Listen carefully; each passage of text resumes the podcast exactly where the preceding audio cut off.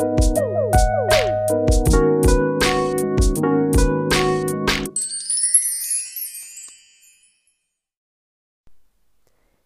bij een nieuwe aflevering van de podcast Happy and Healthy Unicorns. Een podcast voor meer plezier, energie en veerkracht in je leven. Hallo lieve luisteraar. Vandaag wil ik het hebben over een documentaire die ik onlangs heb gezien. De documentaire Lieve Kroes. Waarin we zien dat de documentairemaakster uh, de beslissing heeft genomen om haar niet meer chemisch te behandelen. En in die documentaire zie je hoeveel emoties het bij haar losmaakt. En waarin ze ook vertelt hoeveel uh, of wat de, de, reacties van de mensen in haar uh, directe omgeving waren. En bij het zien van de documentaire kwam er bij mij ook heel veel naar boven. En uh, ik ben inmiddels al 11 jaar natural, maar ik wilde jullie even meenemen in die reis. Want het begint bij uh, als klein meisje met heel dik en vol haar. Dat mijn moeder, als ze zei dat ik, uh, dat ik de kam moest halen, dat ik voordat zij eigenlijk begon te kammen, dat ik al begon te huilen. Omdat ik wist hoeveel pijn het zou gaan doen en uh, hoeveel tijd het zou gaan kosten.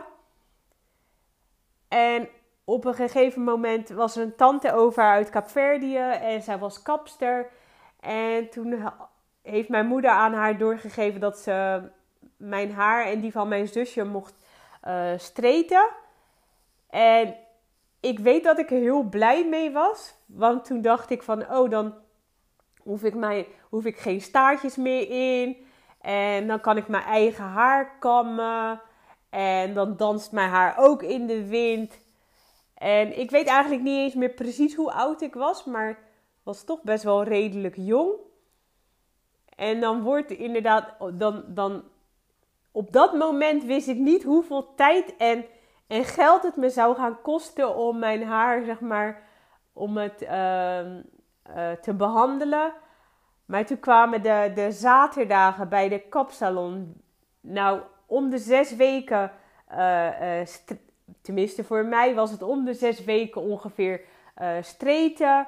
Maar dan bij de kapper zitten, nou in ieder geval vroeg de deur uit, bij de kapper zitten en um, daar aankomen en dan zien dat er al mensen voor jou in de rij staan en dat je dan een hele zaterdag was ik dan kwijt.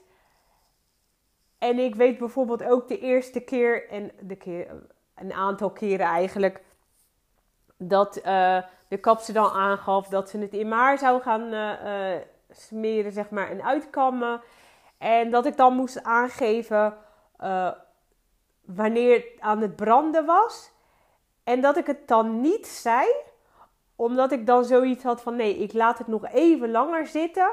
Want dan is mijn haar straks helemaal stijl. En terwijl het eigenlijk wel deed pijn. En daarna bij het, uh, het uitwassen, dan krijg je natuurlijk het water wat op dat wondje zeg maar komt. Wat nog pijnlijker is. Maar dan dat ervoor over hebben om je haar uh, nou, glad te hebben. Ja, als ik er achteraf over nadenk, maar ja, dat was gewoon in die periode heel veel. Um, het is toch zeg maar alles wat je om je heen ziet en um, dat je daar dan door beïnvloed wordt. En uh, het, voor die tijd maakt het toch wel, het maakte het toch makkelijker. Ook al had ik heel veel tijd, zeg maar, uh, besteed ik heel veel tijd, zeg maar, bij de kapsalon.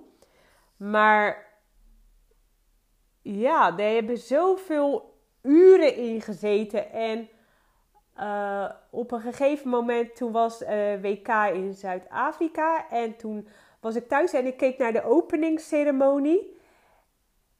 En ik zag een, uh, een Afrikaanse zangeres en ze had kort, kort haar. En op dat moment maakte ik voor mij de beslissing dat ik mijn haar niet meer wilde streten en dat ik mijn haar kort zou knippen. En toen ben ik naar mijn vaste kapster geweest en ik gaf aan haar door dat ik mijn haar niet meer wilde streten en dat ik het kort wilde knippen. En dat zij reageerde met: dat doe ik niet. Ik ga jouw haar niet voor je knippen. En mijn haar was niet overdreven lang, maar het had toch wel een lengte. En zij vond het gewoon zo zonde dat ze echt tegen mij zei van...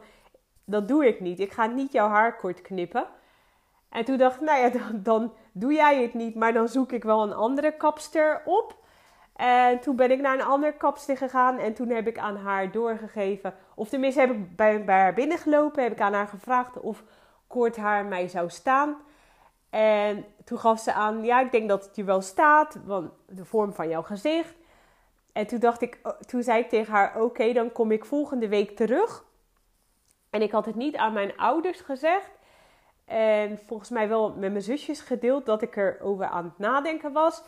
En die week daarop ben ik bij die kapster, uh, ben ik naar de kapster geweest. En heeft ze mijn haar geknipt. En het was echt heel kort, want ik wilde al het chemisch behandeld uh, haar wilde ik eraf hebben. En op dat moment, ja, je kijkt in de spiegel en je ziet steeds meer haar eraf uh, gehaald worden.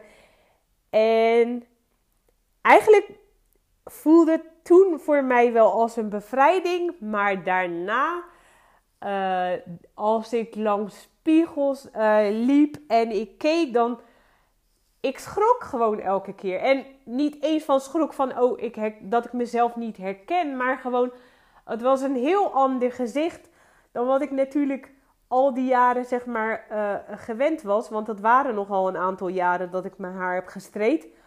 Dus, dus dat, dat ik in het begin heel erg schrok als ik in de spiegel keek. Nou ja, wel een heel groot voordeel was dat ik toen ineens uh, elke week uh, ging zwemmen. Want ik hield, daarvoor hield ik al heel erg van zwemmen. Maar omdat ik wist hoeveel werk het zou kosten om zeg maar, mijn haar daarna zeg maar, te behandelen. Dat ik het dus eigenlijk niet, ging ik niet vaak zwemmen. En nu met dat korte haar kon ik gewoon lekker elke week zwemmen. En hoefde ik alleen maar mijn haar uit te spoelen met shampoo. En ik was gewoon klaar. En toen kwam het, ja, dan, dan groeide, toen groeide mijn haar en toen kreeg ik een uh, afro. En toen, ja, dan zit je toch in zo'n periode dat je niet weet, het is te kort om je haar in een staartje te doen. En dat ik heel erg zoekende was van wat kan ik nou met mijn haar. En dat op een gegeven moment ben ik maar gaan twisten. En ook bij verschillende kappers geweest. Want ik wist ook niet wat nou goed was voor mijn haar. En bij verschillende kapsters geweest. En ook die, die dan weer zeiden van... Oh, je hebt echt heel dik haar. Uh, maar zo ben ik echt gaan zoeken van wat is voor mij... Wat werkt voor mij? Wat, ik, wat vind ik fijn voor mijn, voor mijn haar? En op een gegeven moment ben ik bij een kapster terechtgekomen... En waar ik nu nog steeds bij zit. En ik ben zo dankbaar dat ik, dat ik haar heb. Want zij vindt het heel belangrijk om uh, um, natuurlijke producten te gebruiken. Dus zij maakt haar eigen shampoo en zij maakt haar eigen haarproducten. Gewoon van, uh, bijvoorbeeld onlangs ben ik geweest en dan heeft ze weer iets gemaakt waar dan kurkuma in zit. En uh, verschillende oliën die ze dan zelf zeg maar maakt of, of mengt met andere oliën. En dat ik echt merk dat nu mijn haar weer... Um, eigenlijk weer is als hoe, uh, hoe het als klein meisje zeg maar uh, zat. Weer gezond en uh, dik. En ja, en dan kijk ik, ja, door die documentaire ben ik hier weer over na gaan denken. En ik ben blij dat ik, ehm, dat ik toen die beslissing had genomen. En het was niet makkelijk altijd, want ook één herinnering die bij mij naar boven kwam bijvoorbeeld was dat, dat de keer dat ik buiten liep en dat iemand tegen mij zei: Oh, Jackson 5, wanneer ga je je haar streten? En dat ik echt gewoon flabbergasted was. Want ik dacht: Ik ken jou helemaal niet. En dan ga, weet je, waar, hoe hou je het in je hoofd om dan een opmerking te maken, zeg maar? Nou ja, ook al was het iemand die ik wel kende, dan zou ik nog steeds hetzelfde denken. Maar dat was wel iets dat ik echt dacht van, maar wat is dat toch? Dat mensen hun mening willen laten weten over, uh, over iets. En terwijl, ja, dat was dan zeg maar, dat is dan één voorbeeld. En gelukkig was het er ook maar één negatief iets. Maar uh, wat, wat de documentairemaakster ook zei van mensen in je omgeving die dan opmerkingen maken. Dat heb ik ook gehad, zeg maar. Maar bij mij ging het echt het ene oor in en het andere oor uit. Ik had gewoon voor mijzelf die beslissing genomen dat ik niet meer wilde streten en het was niet makkelijk. Maar toch bleef ik bij mijn standpunt dat ik geen uh, chemisch uh, troep meer in mijn haar wilde zetten. Dus ja, niet heel makkelijk, maar een, en een uitdaging. En nog steeds leer ik, um, ondanks dat ik al 11 jaar natural ben, ben, nog steeds leer ik elke dag over uh, mijn haar en hoe ik het het beste kan uh, behandelen. Nou, dit wilde ik met jullie delen. En um, ja, wat ik ook wilde delen is um, dat het heel fijn is dat de afgelopen jaren dat ik steeds meer zie dat er meer uh, vrouwen hun haar natural dragen.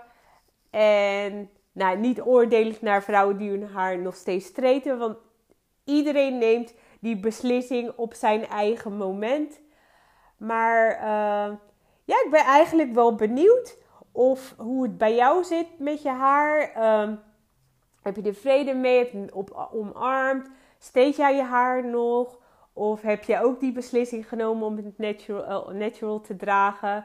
En waar ben jij bijvoorbeeld achter gekomen wat goed is voor jouw haar? En uh, ja, ik ben heel erg benieuwd naar jullie verhalen. Ik ben, als je me een berichtje uh, wil sturen, dan kan dat via um, een uh, privébericht op Facebook bij uh, Unicorn Network of kan ook via Fernanda Dos Reis. En um, ook op Instagram. ben benieuwd naar jullie verhalen en een hele fijne dag.